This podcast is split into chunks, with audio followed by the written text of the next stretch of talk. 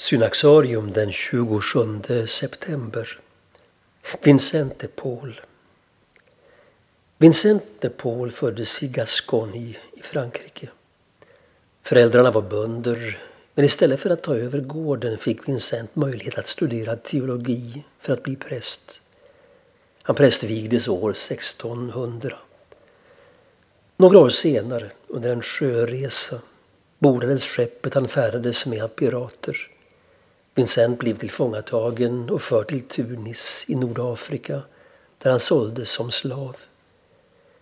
Efter ett par år i fångenskap lyckades han emellertid omvända sin ägare till den kristna tron och återvände tillsammans med honom till Frankrike. Här återupptog han sin verksamhet som präst. Hans hjärta ömmade för de fattiga och utsatta och överallt dit han kom ägnade han dem särskild uppmärksamhet. Han besökte dem, vårdade dem, distribuerade allmosor. Men han förstod också att han inte ensam skulle kunna lindra den svåra nöden. Därför började han organisera fattigvård och socialt arbete på de platser där han verkade. Verksamheter som kunde fortgå även när han flyttade därifrån. I tidens växande storstäder var armodet stort och inte minst i Paris slumområden arbetade Vincent de Paul hårt och energiskt. Han grundade ett religiöst sällskap för präster som ägnade sig åt fattigvård. Congregatio Missionis. Tillsammans med Louis de Marillac byggde han upp ett, en kvinnlig motsvarighet i Fille de la Charité, Barmhärtighetsdöttrarna.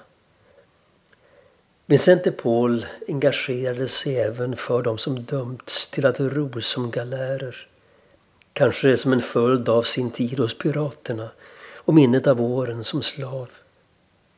Han besökte galärslavarna i deras fuktiga fängelsehålor och lindrade deras nöd med vänliga ord och konkret vård.